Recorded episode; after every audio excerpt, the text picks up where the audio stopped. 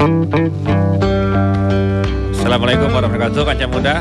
Alhamdulillah kita ketemu lagi di Sase Soma 106.1 MHz Radio Cirema FM Kali ini kita akan membahas Kaca Muda Jadi uh, Tadi backsoundnya lagunya sebelum backsoundnya Sase Soma adalah Fagitos ya. Ini grup yang saya cukup suka ya, uh, Termasuk grup favorit saya. Terus menghilang terus kami bikin single religi ya. Jadi kita sering lupa pada nikmat Allah itu sangat istimewa makanya dalam kehidupan ini kancah muda itu kadang Allah itu kangen sama kita. Nah kalau kita nggak kangen sama Allah itu kebangetan. Dan kita sering mungkin nggak kangen ya. Tapi Allah tuh kangen sama kita. Nah ciri kalau Allah kangen sama hambanya itu gimana kancah muda? Cirinya adalah kita dibuat sama Allah itu bermasalah hidupnya. Ada problem keuangan utangnya banyak kemudian pengen ini pengen itu dihimpit oleh kebutuhan sehingga mau nggak mau dia harus nangis gitu kan? Dia harus curhat. Dia harus bahasa Jawanya sambat gitu. Jadi yakinlah semua peristiwa persoalan yang Allah kirimkan yang mendesak dada kita yang membuat pusing pikiran kita yang membuat kita panas dingin keluar keringat stresnya bahkan kita sehari-hari rasanya kayak mau mati gitu kan. Artinya banyak orang ya Allah ini sampai kapan kayak gini? Misalnya seperti itu. Itu ciri kalau Allah itu kangen sama kita. Jadi menurut almarhum Musa Jafi Al Bukhari dikatakan di situ bahwa kapan seorang hamba itu uh, di, disebutkan bahwa dia uh, dikangenin sama Allah. Ya selamat datang Mas Awan ya. Kita tema kali ini kan muda jadi adalah bagaimana ya uh, ketika Allah itu memberi persoalan pada hambanya itu apa di balik hikmah di balik sebuah persoalan gitu. Jadi begitu ya. Jadi kalau kalau menurut almarhum Jasmine Al Bukhari adalah bahwa ketika seorang itu dipepet hidupnya, dibikin masalah, dibikin tertekan gitu, itu ciri utamanya adalah bahwa dia sedang dirindukan sama Allah. Jadi kancah muda yang hidupnya kelihatannya landai-landai aja gitu Mas Awan, itu itu intinya malah dia seakan-akan orang biasa.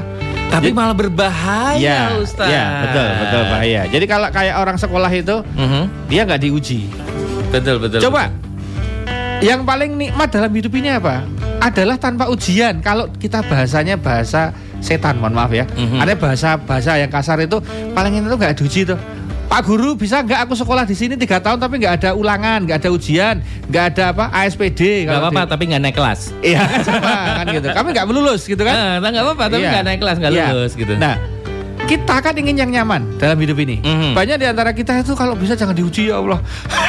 kalau bisa jangan aku nggak siap. Kalau uh -huh. kalau bisa yang enak-enak aja ya Allah hidupnya. Kalau bisa sekolah ini dalam tanda petik nggak udah aturannya nggak usah jadi saya mau berangkat jam berapa saja boleh saya mau istirahat jam saja berapa boleh mm-hmm. kalau perlu saya nggak usah ada PR tuh nggak perlu Pak Guru jadi nggak usah ada PR nggak ada ada kerjaan nggak usah ada praktikum nggak usah ada ujian-ujian enak amat hidup ya nah apa hasilnya ketika orang sekolah nggak nggak ada nggak ada ujian nggak ada gitu apa ya tidak bertambah maju. Ya, pasti dia nggak dapat sertifikat.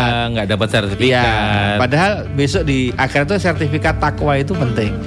Dia termasuk orang yang takwa atau enggak, orang beriman atau enggak gitu Mas Awan. Hmm. Nah, jadi yakinlah Mas okay. Awan dan kaca muda semua ketika orang itu sama Allah dikasih ujian entah itu namanya kecelakaan, entah itu namanya kemudian yang ringan yang berat ataupun kehilangan -hmm. ataupun kecopetan ataupun kondisi keuangan yang ngepres yang mepet, hmm. susah sekali ada cash di dalam dompetnya. Betul-betul dia sangat apa namanya nggak begitu bisa menikmati. Nah, di sini kalau kita lihat masalah-masalah yang Allah kirim dalam kehidupan kita itu itu adalah sinyal dari Allah bahwa Allah kangen. Mm-hmm. Nah, ketika Allah kangen, pengen ketemu hambanya, pasti dipepet mas, dibikin susah. Nah, ya, begini istilahnya dalam Quran itu apa? Yang ketika engkau disesakan dadamu. Bapak, keren nggak? Dadanya dibikin sesek. Sesek itu gimana maksudnya? Tidur nggak enak. Sulit ya, ada kesesek. Makan nggak nyaman, tidur nggak nyaman. Jadi dia nggak lapar. Kan jadi orang stres tuh nggak lapar, susah tidur, susah makan, susah tidur. Mhm. Jadi dikasih makan dia nggak mau makan, nggak nafsu makannya. Hilang nafsu makannya, hilang selera tidurnya, sehingga dia kurang tidur, kurang makan. Makanya orang stres cenderung kurus. Ya betul. Ya Mas Toy mudah-mudahan bisa gendut Mas Toy. Kita doakan setelah Toy, menikah. Stres Toy? Enggak. Dia karena posisinya postur. Oh. Dia posturnya gitu. Jadi buat dia tak ajak makan tengkleng bola bali seminggu full tak kira para bakal melar, ya toh? Itu kelihatan kalau Mas Tai kan gitu. Nanti nah, udah double. nanti kalau sudah menikah, saya yakin akan ada perbedaan. betul betul betul. Kromosomnya berubah. nah, kembali ke tadi. Jadi orang ketika stres, Mas, Aha. itu kan kecenderungannya dia susah makan, susah tidur. Makanya kan ada yang bilang, gimana Ustadz saya cara mengurusin badan biar cepat kata ibu-ibu. Ya suruh suaminya nikah lagi. dia langsung langsung kurus mendadak, itu kan? Kenapa? Karena pikiran, Mas. Plus sakit hati ya, Tat. Dan tahu nggak, pikiran itu mm, membahayakan. Overthinking misalnya. Wah nanti kalau nggak bisa makan gimana? Wah nanti kalau nggak bisa Pak dapat duit gimana? Jadi itu kan overthinking kita kan seperti itu. Nah tahu nggak kan yang muda? Overthinking itu Allah yang kirim. Masalahmu itu Allah yang kirim. Nah tinggal kita kemudian mengambil sinyal dari Allah itu. Oh ini Allah kangen. Kata Allah gimana Mas Awan? Kamu lama nggak sholat sama aku. Kamu lama nggak sujud padaku. Kamu lama nggak istighfar. Kamu lama nggak amal soleh. Ke mana aja kamu selama ini? Dikasih surat sama Allah. Suratnya dalam bentuk masalah. Tapi Ustadz, Yo. mau tanya nih, Tat. Oke. Bagaimanakah kita bisa menyadari apa ya, menimbulkan kesadaran dalam diri bahwasanya oh ini Allah baru kangen nih sama kita. Hmm. Kan ada orang yang baru kena masalah bukannya malah mendekat sama Allah, malah tambah jauh kadang-kadang malah ada yang uh, jadi narkoba, jadi minum-minuman keras, jadi pelampiasnya jadi berbeda. Bagaimanakah seharusnya sikap kita supaya kita tahu oh ternyata ini teguran nih dari Allah. Hmm. Oh, Allah tuh baru pengen kita lebih dekat. Ternyata selama ini aku udah menjauh nih. Itu gimana caranya memunculkan ke dalam diri kita gitu loh, Tat? Ya, saya tidak nek bosonnya Jawa tidak maido. Indonesianya tidak maida gitu kan. ya saya tidak maido ya. Ketika orang punya masalah itu bah, bahaya- bahasa kasarnya eh, suruh ngapain aja mau gitu kan. Mhm, betul, betul. Ayo bro, mentem wae, tepuk wae, mungkin dia mau. Ya, karena menghilang stres yang sangat cepat. Nah, kalau ditanya gimana caranya Ustadz agar setiap masalah itu membuat kita menjadi Lebih dekat. lebih dekat. Nah, caranya adalah kita sowan ke kantornya. Jadi gini, ciri orang kalau senang sama orang itu kan ada tiga, Mas. Jadi Mas Awan dulu ketika mencintai istrinya masih pacaran, Mhm. ya Mas Toy lah sekarang yang punya pacar misalnya, dia akan sering menyebut namanya. Dia akan sering menging- Telepon. mengingat Aha. yang ketiga dia akan sering datang. Nah, jadi orang kalau kalau kalau kalau kangen itu, kalau orang jatuh cinta itu mesti tiga ya. Mhm. Dia sering nyebut namanya. Dalam ngomong-ngomong dia selalu nyebut Mhm. Mas Awan itu, Mas Toy itu eh, ngomong sama orang lain. Ini si cewek ngomong gitu kan. Mhm. Nge- ngomong tentang cowoknya, nyebut terus namanya. Yang kedua, biasanya apa? Dia sering mem- sering seneng sangat membaca suratnya. Sekarang bukan surat, WA. Ya, betul. Telegram, sekarang modelnya DM. Jadi sudah nggak pakai surat. Kalau zaman kita masih pakai surat. Mas Toy masih ngerasain surat nggak? Nggak kan? Nggak ngerasain surat kan kamu? Cinta-cintaan? Udah nggak zamannya dia. Dia bu Udah SMS. Dia BB, SMS sudah BB, mulai. BB. Ya, oke. Ah. Nah, jadi Hmm. ketika orang positioning cinta mas, dia akan nyebut namanya, sering baca suratnya. Nah suratnya itu apa? Al-Quran. Yang ketiga sering apel. Apel itu apa? Ya sujud. Hmm. Atau kalau enggak main ke rumahnya, mana rumahnya Allah? Masjid. Mhm. Nah maka kalau kita sedang stres, walaupun kita itu kayak apa pun keadaannya wudhu, ambil air wudhu, fatawadok, kemudian masuk masjid. Kalau masalah darurat alhamdulillah, kalau nggak mau sholat minimal duduk oh di dalam masjid, duduk aja. Dah kamu sandaran aja di tiang-tiangnya itu. Kamu sana di kamu sandaran aja di apa namanya tembok-temboknya. Dah kamu diem aja di situ aja. Karena tempatnya auranya beda, Mas. Mhm. Pasti muncul yang kemudian Ya Allah, spontan ya Rob ya Allah gitu kan. Nah, ketika dibilang ya Rob ya Allah, Allah itu bahagia, senang. Ingat, Mhm. bahagianya Allah melihat hambanya yang mau mendekat bertobat kepada Allah itu melebihi bahagianya lahiran seorang ibu. Bayangkan ibu itu ketika lahiran, ibu-ibu itu istri-istri itu ketika lahiran itu kan sakit pas melahirkan. Betul. Begitu lihat anaknya sudah Hilang sakitnya. sakitnya hilang. Mhm. Nah, bahagia nggak? Bahagia kan? Bahagia banget. Bahagianya Allah itu melebihi bahagianya seorang ibu ketika melahirkan anaknya. Bisa dibayangin nggak bahagianya Allah? Mhm. Jadi cara membuat Allah bahagia itu salah satunya apa? Caranya adalah kita kembali kepada Allah. Itu Allah bahagia, senang sekali. Ada lagi mengatakan dalam hadis lain bahwa bahagianya Allah, senangnya Allah terhadap orang yang bertobat itu seperti bahagianya seorang di padang pasir membawa onta, Mhm. kemudian posisinya onta itu hilang. Kamu bisa bayangin nggak di padang pasir sedang tidur ontanya pergi hilang entah ke mana. Stres tentu. Wah ya tidak hanya stres, pulang pakai apa, wah sudah. Dan onta kan barang berharga. Iya, itu betul. ibarat orang di tol tanpa rest area, Mhm. kamu cuma berhenti sebentar, tiba-tiba mobilnya hilang. ya kamu bisa apa? Dan nggak bawa HP loh zaman itu nggak ada HP kan. Jadi kendaraannya itu hilang di mana di padang pasir. Ya dia bisa hidup dengan kendaraan itu mau ke mana-mana. Stresnya kayak apa? Mhm. Tiba-tiba dia kemudian dalam keputusasaannya tiba-tiba datang sendiri itu Ontanya. ontanya. Hmm. Bahagianya Allah itu melebihi senangnya orang yang kembali ketemu sama ontanya. Mhm. Bisa dibayangin nggak? Nah makanya kita kalau mau bikin Allah tersenyum, caranya adalah nggak usah dianggap kita punya banyak dosa. Kita sudah pasti banyak dosa, nggak usah dianggap. Kita sudah banyak dosa. Iya. Jangan sombong kita.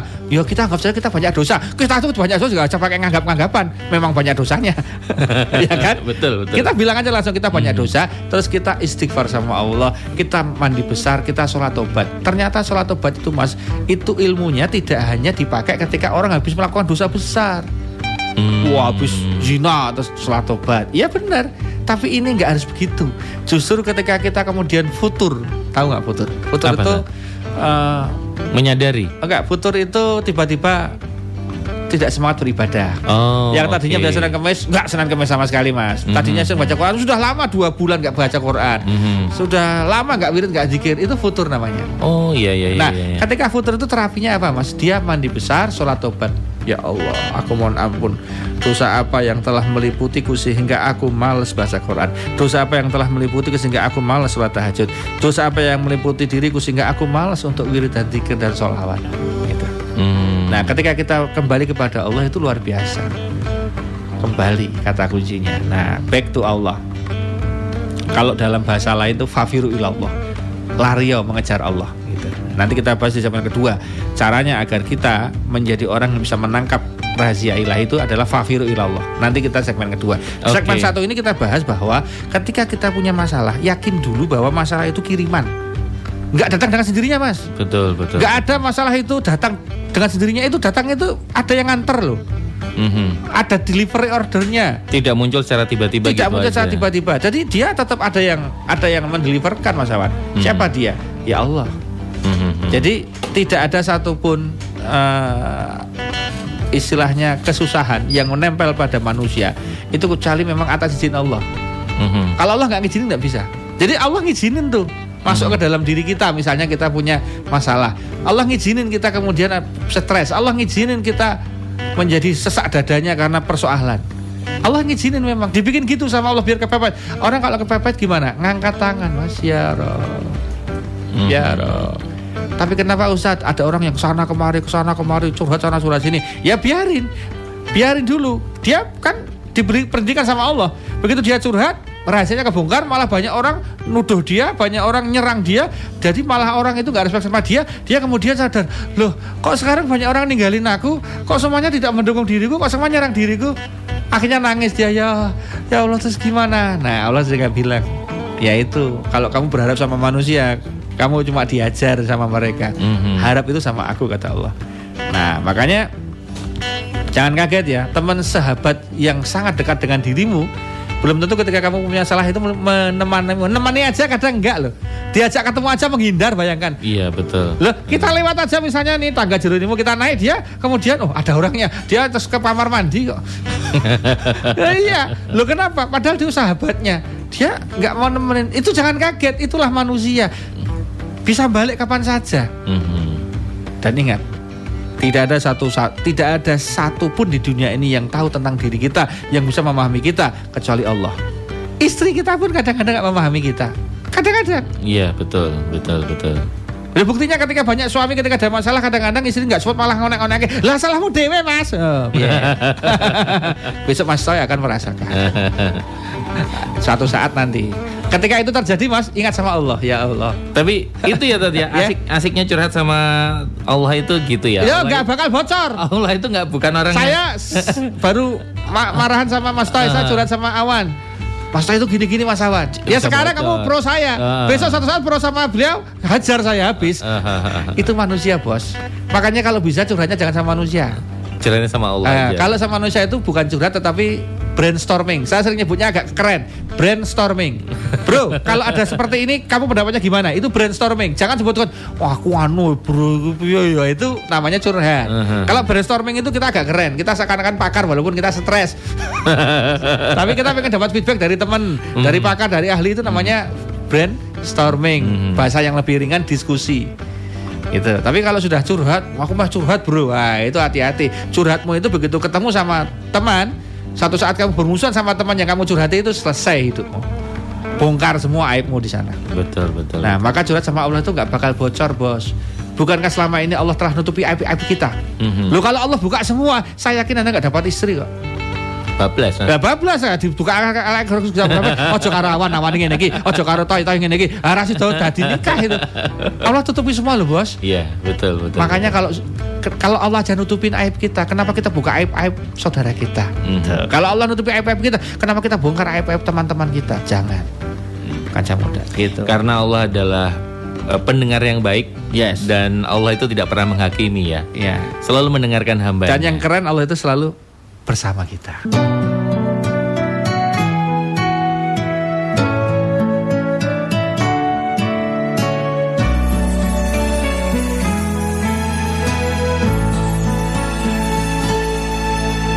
Betapa indahnya, betapa hebatnya dirimu setiamu, dirimu kasih sayangmu. Hidup sederhana yang kita punya. Denganmu ku bahagia Denganmu ku merasa. Syukur pada yang maha cinta. Dan apabila esok tiba Ucap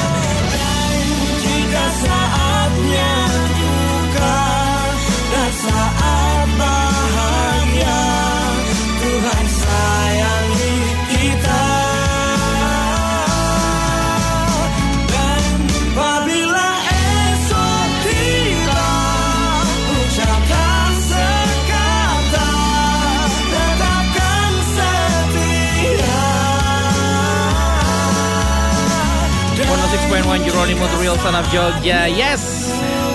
Barengan sama Awan Narendra Kanca Muda Jogja ya Masih di Sasi Soma sana sini soal agama Kanca Muda Wih kangen udah lama gak siaran Sasi Soma nih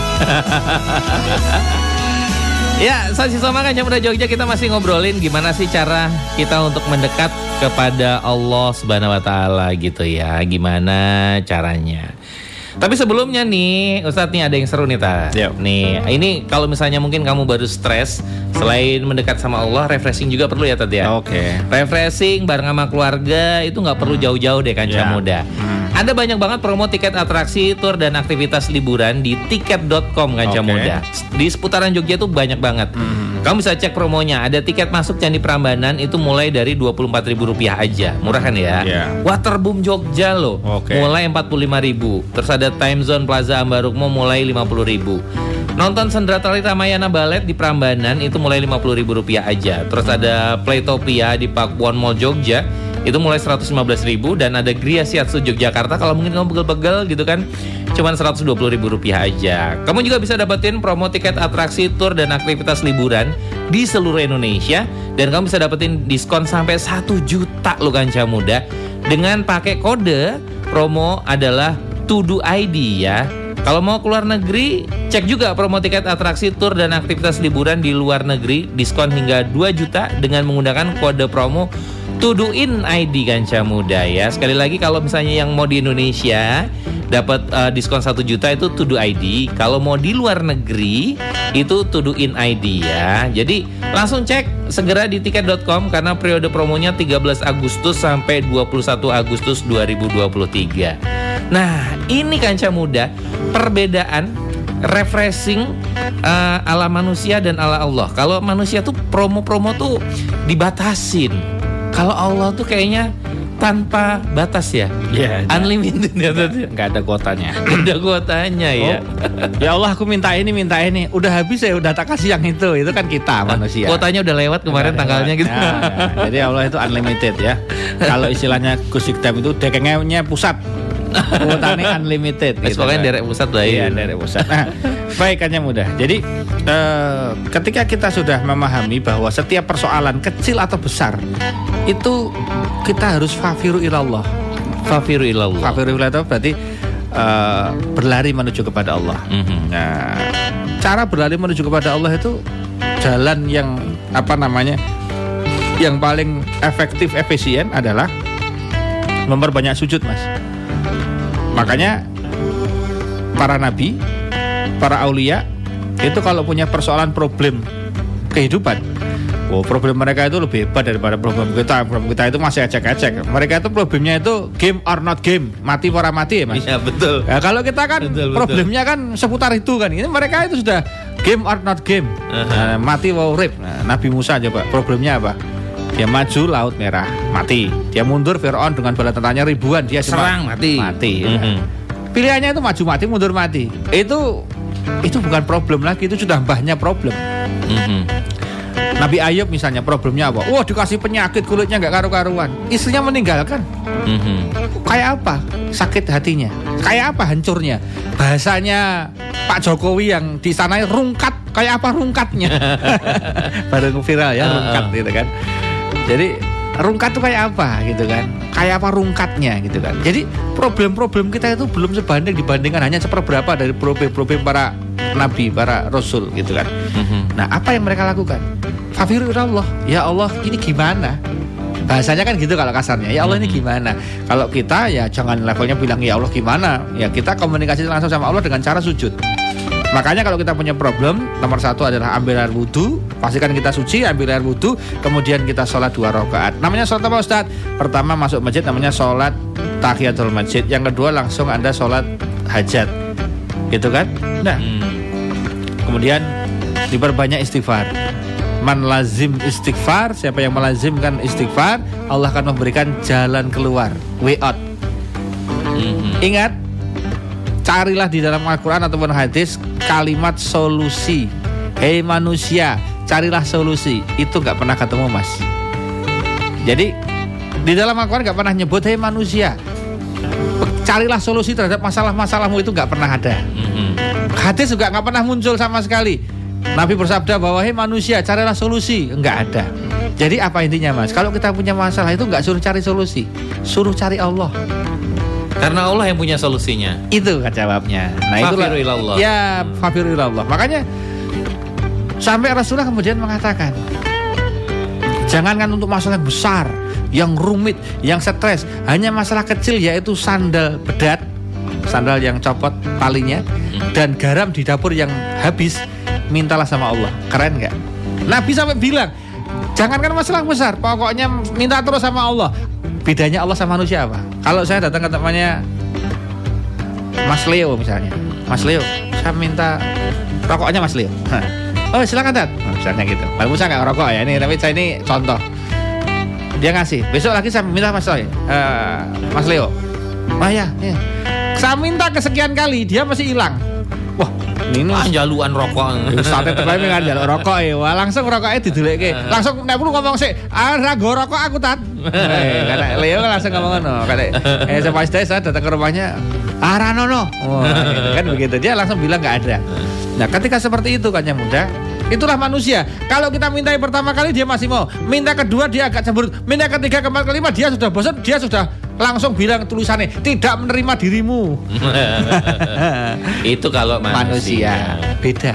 Allah diminta sekali senang, diminta dua kali senang banget, diminta tiga kali senang banget, diminta berkali-kali senangnya luar biasa. Jadi Allah itu semakin orang yang meminta itu semakin senang. Neng yo masa isin tat masa i cuman masa hanya karena misalnya masalah sepele kita Loh, itu Rasulullah yang bilang bukan masalah sepele bos. Ini Rasulullah bilang kita kamu nggak boleh bantah. Oh iya betul. Ini betul, Rasulullah yang betul, bilang. Betul betul. betul. Hanya untuk masalah Eh. dapur, maksudnya gini lapor ya Allah. Berasku habis, Uh-huh. mohon dimudahkan aku dalam mencari beras, dapat beras. Ya Allah garamku habis, mohon mudahkan aku untuk dapat garam. Ya Allah, gitu maksudnya. Jadi dikit-dikit Allah, Allah, Allah. Jadi Allah itu direpot itu seneng, Allah itu direweli seneng. Hmm. Beda sama kita direwelin. Akhirnya orang teko arek nginep kowe takoni pirang dino ning ngene kira-kira. Lah kok suwe banget. Kalau Allah enggak, Allah itu semakin direweli seneng, semakin direngei seneng, semakin dimintai seneng. Inilah fafirul Allah itu gitu. Makanya kalau kita punya masalah, itu jangan segan-segan, jangan malu-malu, langsung dulosor, dulundrung, nek perlu nangis, gerung-gerung kepada Allah. Mhm. Dan begitu kita ngangkat tangan, ya Rob, ya Rob, ya Rob, itu jangan kaget. Apa kata Allah? Hei, iya iya, aku Gusti Allahmu, kue hambaku, tak beresi, beres tenang. Mhm. Itu. Nah, jadi jangan nunggu sampai punya masalah yang mepet, pet. Mhm. Tapi kita wajib meminta doa itu sebagai asuransi. Kalau kita dalam tanda petik nggak kena masalah berat, itu asuransinya agar nggak kena masalah itu. Atau kalau kena masalah itu kita jadi terasa ringan nggak kaget, Mhm. gitu loh. Jadi ulama-ulama itu maka nggak pernah la takhaf wala tahzan innallaha ma'ana. Allah kan bilang gitu. Ojo cemas, ojo khawatir, aku karo kowe. Mhm. Nah, gimana? Kalau udah bilang gitu Allah bilang kepada kita masa kita nggak tenang? Iya. Kalau kita nggak tenang berarti dipertanyakan keimanan kita. Nggak yakin sama Allah. Nah, makanya sentilan yang paling menohok adalah kamu yakin nggak sama Allah? Yakin. Pernah menggunakan keyakinan itu nggak? Pernah dites belum keyakinannya sama Allah itu? Betul betul. Nah, kalau kamu penuh kebahagiaan, kamu husnudon sama Allah gampang. Alhamdulillah ya aku di rumah gampang, di mobil gampang, tuku iku iku iso. Alhamdulillah ya. Allah ki apik banget karo aku ya. Itu gampang husnudon ketika dalam posisi punya duit, penuh kenikmatan. penuh kenikmatan. Begitu sama Allah ditunda kenikmatannya, dikurangi kenikmatannya, dibatasi kenikmatannya, itu tetap husnudon itu keren. Mhm. Makanya orang kalau level ketika dapat masalah, level yang paling tinggi apa mas? Level paling rendah apa? Sabar. Mhm. Itu level paling rendah loh. Mas Teh kena masalah, misalnya masalahnya harus bayar SPP belum dapat duit, misalnya, atau mau bayar kontrakan belum dapat duit, atau mau bayar apa pun beliau belum dapat duit. Begitu sabar itu artinya apa? Dia tetap sholat, tetap puasa, tetap tetap sabar. Itu sabar. Mhm. Itu level paling rendah ternyata sabar itu, walaupun pahalanya surga. Mhm. Orang yang sabar itu bigoiri hisap, tidak ada hisapnya. Artinya nggak bisa dihitung pahalanya. Gitu loh. Mhm. Nah, level di atas sabar namanya ridho. Kalau ridho itu semangat Gusti Allah derek. Jadi dia sudah sudah nggak kecewa sama sekali dah ridho. Terus pokoknya daerah pusat lah, Derek Allah. pusat. Nah, yang ketiga paling tinggi ada apa namanya Mas? Bersyukur. Alhamdulillah. Itu level paling tinggi. Padahal susah ya. Padahal susah dia bisa bilang alhamdulillah. Itu apa levelnya? Berarti apa? Dia mensyukuri. Ini pasti Allah nyiapin ganti sama aku. Ini Allah pasti nyiapin sesuatu untuk aku. Ini pasti Allah akan memberikan sesuatu. Bahkan level dia ya Allah, terus aja sakitnya biar hilang semua dosa-dosaku ya Allah. Ganti dosa-dosaku ya Allah dengan kebaikan-kebaikan yang akan kau berikan setelah ini ya Allah. Jadi dia sakit itu malah alhamdulillah orang su. Orang ngamuk-ngamuk. Hmm. Tidak hanya sabar, tidak hanya itu dia alhamdulillah. Oh keren nggak? Karena dia tahu ilmunya. Tapi ini harus dipraktekkan, harus kena dulu. Kalau nggak kena, nggak bisa praktek. Hmm. Gitu ya. Tapi nggak perlu sakitnya ada dua, sakit fisik dan sakit psikis. Sakit psikis itu apa? Kecewa, Mhm. sedih, tertekan, stres. Itu kan kecewa tingkat tinggi. Nah, ketika kamu bisa bilang alhamdulillah ya alhamdulillah ya Allah, kau titipkan masalah ini, kau berikan ini. Dengan ini mudah-mudahan aku jadi rutin tahajud tiap malam. Dengan ini aku jadi rutin duha. Dengan ini aku jadi rutin sholawat. Dengan ini aku jadi rutin menyebut namamu. Ya Allah, dengan ini pokoknya ya Allah, gue nggak peduli masalah seberat apa pun. Yang penting mudah-mudahan aku dekat dengan Engkau ya Allah. Yang kubutuhkan rahmatmu, barokahmu, ampunanmu, ridhamu ya Allah. Wah, nek wis tekan kono dia nggak mikir masalahnya. Hmm. Nah kalau dia udah gak mikir masalahnya dia mikirnya sama Allah Allah Allah oh, kak jangan rakit mas kan ada orang disiksa secara fisik tapi nggak kerasa ada nggak Ada. ada itu kan eh, salah satu pemimpin Bilal negara heeh. pemimpin negara yang terkenal sangat diktator yang kemudian pamannya sendiri itu cara eksekusinya adalah dikasih di sebuah tempat yang di situ ada harimau harimaunya dibikin lapar kemudian dibuka itu kemudian disuruh makan itu kakeknya Hmm. atau pam- pamannya dimakan itu ponakannya kurang ajar banget kan Mhm. Ponakannya jadi pemimpin negara di sebuah negara kita nggak usah sebut namanya. Tapi itu kemudian terjadi. Ini tidak dilakukan di zaman dulu. Dulu pernah ada salah seorang sahabat yang dia kemudian dihukum dengan cara begitu, mas. Apa? Dia karena yakin sama Allah, dia baca hasbunallah wa ni'mal wakil, nikmal maula wa ni'man nasir, hasbunallah wa ni'mal. Tapi dia bacanya dengan penghayatan yang tinggi, dengan konek sama Allah yang luar biasa dan level dia sudah tidak hanya ridho tapi sudah bersyukur. Apa yang terjadi? Lemes, mati. Sendiri itu malahan. Apa namanya? Harimaunya. Malah dibebaskan karena mereka takut oh, berarti ini uang ampuh tuh jadi dia tuh takut. Takut nah jadi kita langsung ke salah satu contoh kisah ada dalam Al-Quran dan hadis Iya. Apa? yaitu namanya Sam'un ada nabi namanya Nabi Sam'un Samson orang sering bilang Hmm. Nah, Nabi Sam'un ini tidak termasuk dalam 25 nabi, tapi dia ada riwayatnya. Jadi beliau ini Nabi Sam'un ini termasuk nabi yang dugdeng, Mas. Mhm. Dia mau perang dengan siapa pun tidak pernah kalah, Mas. Mau berapapun orangnya dia pasti menang, Mas. Dia yakin sama Allah pertengahan Allah bahkan beliau terkenal juga pembaca sholawat Jibril. Sallallahu alaihi Muhammad Sallallahu alaihi Muhammad. Dia menang di mana-mana. Mhm. akhirnya musuhnya itu kan caranya mau membunuh dia itu gini. Raja yang ada waktu itu itu lobby menemui istrinya Sam'un nah jadi hati-hati. Istri itu bisa dimanfaatin kalau hati-hati. Cobaan ini. Tat. ya kamu tak kasih harta yang kamu minta. Kamu mau model emas kayak apa intern berlian kayak apa gue turutin semua. Yang penting syaratnya cuma satu. Apa? Tolong aku dibantu bisa nangkep itu suamimu. Loh, caranya gimana? Kalau pas tidur itu coba kamu ikat itu tangannya dengan tali. Nanti kalau dia nggak bisa ngelepasin bilang ke kami. Kami akan segera nangkap. Ternyata begitu terbangun di tali tangannya diikat sama kakinya. Pakai tali yang sangat keras Jebol itu brol Hmm. kenapa kamu ngikat aku kata suaminya istrinya wah aku cuma mau ngetes kehebatanmu kok suamiku wah sambil dipeluk ya toh. Mhm. Oh ternyata kamu hebat. Besok hari keduanya dia lapor. Raja, ternyata pakai tali yang sangat keras tetap hancur. Sekarang pakai rantai. Betul begitu tertidur juga rantai itu kakinya sama tangannya. Tahu nggak mas begitu bangun? Ini ngapain lagi kamu? Aku juga cuma ngetes kamu kayak apa kalau rantai brol ambrol. Bingung dia. Datang lagi ke sana. Wah gimana ini rantai juga nggak bisa ya?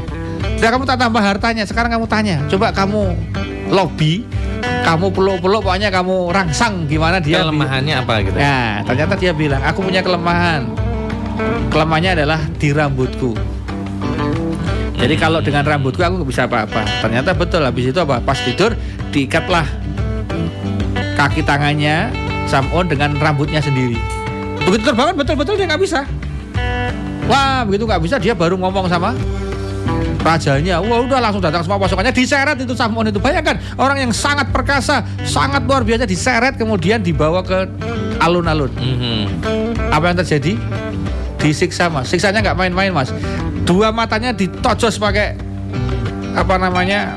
Pakai tombak akhirnya menjadi nggak bisa melihat mas. Badannya ditusuk-tusuk gitu. Bagaimana Sam'un ketika itu? Dia fafirullah, dia langsung pada Allah.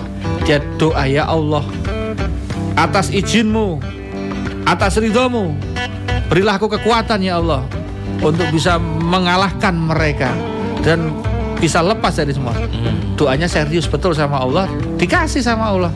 Apa yang terjadi? Ya, dia kemudian bisa lepas dan dia kemudian merobohkan semua bangunan yang ada di situ, bahkan semuanya meninggal, termasuk istrinya juga meninggal. Hmm. Bayangkan dan pulih kembali itu penglihatan dan semuanya. Nah, jadi orang ampuh itu ada sejak zaman dulu, hanya muda. Nah ternyata yang ampuh itu bukan dirinya, dia Tapi ngandelin, Allah, ya. dia ngandelin Allah gitu loh. Jadi orang ampuh itu adalah orang yang bisa menggunakan powernya Allah, bos, Mhm. bukan powernya sendiri. Powernya sendiri itu drop, nggak bisa apa-apa. Kita nggak punya power, bos. Powernya itu jelas sudah drop-dropan Eh, itu. Tat, ini Yuk. jadi penasaran ya Tat. Hmm. Kadang-kadang ketika misalnya orang itu sudah mencapai ke level uh, ketika bermasalah, dia akhirnya malah bersyukur. Hmm. Berarti sebenarnya uh, orang itu menganggap masalah yang datang itu bukan ujian berarti ya Tat ya. Akhirnya dia Iya. sampai kepada Betul. oh iya, Dia dia ya semua ini adalah karena Allah gitu. Ya. Jadi bahasanya begini mas, ketika orang des kena apa gitu, ya Allah, ampuni aku ya Allah. Ada apa ini ya Allah? Jadi di Allah, Allah ngapain ya kok negur aku seperti ini? Mhm. Alhamdulillah berarti Allah saya. Allah nggak ingin aku terlalu jauh gitu loh. Allah nggak ingin aku terlalu terjerembab, terjerumus. Jadi salah satu ciri sayang itu kan diingatkan toh mas. Mhm. Dan masalah yang muncul itu ada penging- ing- ingatan, mengingatkan. Mhm. Ya mengingatkan. Maka bersyukurnya dia itu kenapa? Satu, kalau dia itu sudah bagus jalannya. Loh dia itu sholatnya bagus, semuanya running well. Mhm. Tapi ke Allah kasih ujian itu. Berarti Allah itu ingin lebih ingin mengangkat derajatnya. Allah ingin lebih poin pahalanya. Kan kita nggak pernah tahu di dalam sholat duhanya, di dalam tahajudnya, di dalam wirid-wiridnya, di dalam semua amal solehnya, kan nggak tahu kadar diterimanya kepada Allah itu berapa persen. Betul. Lah siapa tahu ternyata itu separuh-separuh semua, seperempat doang. Hmm. Karena mungkin dia nggak sadar tanpa sengaja ada unsur riaknya dikit, Hmm. tanpa sengaja dia apa gitu. Makanya ulama-ulama dulu itu nek iso ngibadah itu sekarang itu agak susah. Umroh aja sekarang itu bahaya kok. Mhm. Bukan bahaya umrohnya. Bahaya ketika kita posting, ketika kita streaming, ketika kita pengen ditahui orang, itu kan antara niat pamer dengan anu kan 11 12, Bos. Hmm. Antara pamer dan mengajak. Ya kan? Mhm. Betul betul. Nah, ketika dia di Masjidil Haram fo- foto nih foto, dia posting. Kita nggak pernah tahu kan itu umrohnya kemudian diterimanya berapa persen. Mhm. Iya betul Nah, betul. Tat. Kan gitu. Itu kan bahaya banget. Nah, maka kemudian ujian-ujian muncul itu untuk apa? Untuk nambahi poin. Kita kan pernah tahu nambahi poin. Nah, ini kamu kurang kemarin. Nah, karena sayang tak tambahin ya lewat jalur ini. Karena kalau kamu jalur syukur, kamu udah syukur terus. Kamu itu udah syukur, bisa umrah bersyukur, bisa punya rumah bersyukur, bisa punya mobil bersyukur, bisa punya istri bersyukur, punya anak bersyukur, bisa punya kerjaan bersyukur, punya duit bersyukur. Kamu udah bersyukur tok sini. Tapi kan kamu nggak tahu ketika kamu cerita syukurmu itu, kamu itu ada unsur pamer dikit kan, kamu lupa Mhm. gitu lah Mas Awan saiki anu ya, ya alhamdulillah aku gede kok ini ki pancen yo piye yo. Yo tahajud kurang atau mandek ya? Gue jadi sombong gitu. Ya, Walaupun lek ngomong itu rasa kasar itu. Heeh. Yo, kowe tahajud toh. Alhamdulillah aku dengan tahajud di satu rumah gile. Nah, muncul masuk wae kok kan gitu. Setannya melebu. wae Lepu, kok. halus banget, halus banget. Makanya Iya, nek ditakoni tentang kebaikan itu jawabnya kayak Nabi Sulaiman. Weh, Mas Sulaiman, kowe sugih pol, kerajaanmu ora ono sing ngalahke, ampuh top kowe iki. Apa? Dia nggak pernah cerita amalnya hanya apa ora tahu. Memang ngomong sih tok. Hadza min fadli Robbi. Iki ming nggone Gusti Allah kabeh dititipke aku nggo nguji aku. Tambah apa tambah elek. Jadi dia langsung bilang, Hadza min fadli Robbi. Fadli itu kelebihan. Hmm. ini adalah kelebihan yang Allah berikan pada diriku. Mas ngono tok. Eh, untuk nguji aku dengan kelebihan ini tambah cerdak apa tambah adoh apa lali ya gue ya janjian iki ming hadza min fadli iki ngene Gusti Allah ngono tok Oke. nah ketika seperti itu kan beda nah tadi ke- kembali ke konteks tadi kenapa orang bersyukur karena gini mas Ida ahaba abdan ketika Allah senang pada seorang hamba ahaba mencintai seorang hamba ibtala kata Allah akan diberikan ujian Lu logikanya piye mas? Mbok sing diuji ki sing kae-kae lho, Gusti Allah sing tau salat kae lho. Hmm. Mbok kae-kae kok sing salat? Kowe aja komen, Bro, kata Gusti Allah. Kowe kan ora ngerti salatmu selama iki ditampa-tampa apa ora? Eh. Pahalane iki pirang persen, kowe kan ora ngerti. Wis to menengo, kowe tak kayak ujian, men kowe iki entuk poin, kowe iso bermuasabah, kowe tambah HP, bar iki kowe tambah luar biasa, powerful uripmu. Nah, gitu loh kata Allah. Jadi Justru karena Allah sayang itu kemudian Allah nggak ingin amalannya itu zong, nggak ingin amalannya nggak bermanfaat, nggak ingin orang ini nggak top. Topnya itu Allah yang angkat sendiri gitu kan. Dengan caranya Allah. Dengan caranya Allah. Dan ingat kadang-kadang bukan dibikin nggak terkenal bisa jadi terkenal ya bisa, tidak terkenal ya bisa. Dengan tidak terkenal dia malah lebih dekat dengan Allah kan kita nggak pernah tahu. Betul, Arti kalau lu gue terkenal malah akhirnya sholatnya angel nemoni fans terus konsultasi rampung-rampung lali sholatnya telat-telat. Saya saya saya bukan hati wingi dong terkenal sholatnya awal waktu. Baca terkenal saya ini kayak konsultasi ngalor ngidul ngetan ngulon mikir cuan akhirnya tadi. Nah, gitu lah. Jadi oleh karena itu Allah itu maha adil. Ketika orang ditimpa sebuah persoalan apa pun namanya, anggap itu teguran dari Allah untuk meningkatkan iman kita, untuk menggugurkan dosa kita, untuk kemudian memperbaiki amal-amal kita, Mhm. kemudian nambali bolong-bolong yang kita nggak pernah tahu dari amal-amal kita. Makanya ketika kita punya masalah, memang levelnya sabar dulu. Kalau udah sabar nanti ridho. Kalau udah ridho terakhir alhamdulillah. Memang itu fase Mas nggak bisa langsung bilang alhamdulillah. Hmm. Sabar saya ditompo. Ridho kemudian ya wis rapopo. Nah alhamdulillah alhamdulillah wingi ra sida ketemu ning ngono. Nek ketompo piye? Dia baru kom komen. Hmm.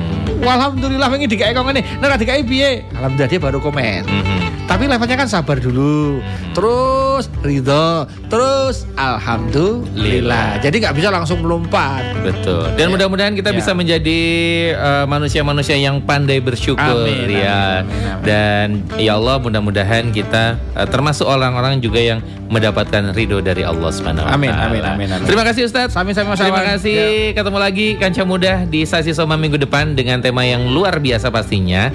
Awan Narendra pamit. Sekali lagi Assalamualaikum warahmatullahi wabarakatuh. Waalaikumsalam.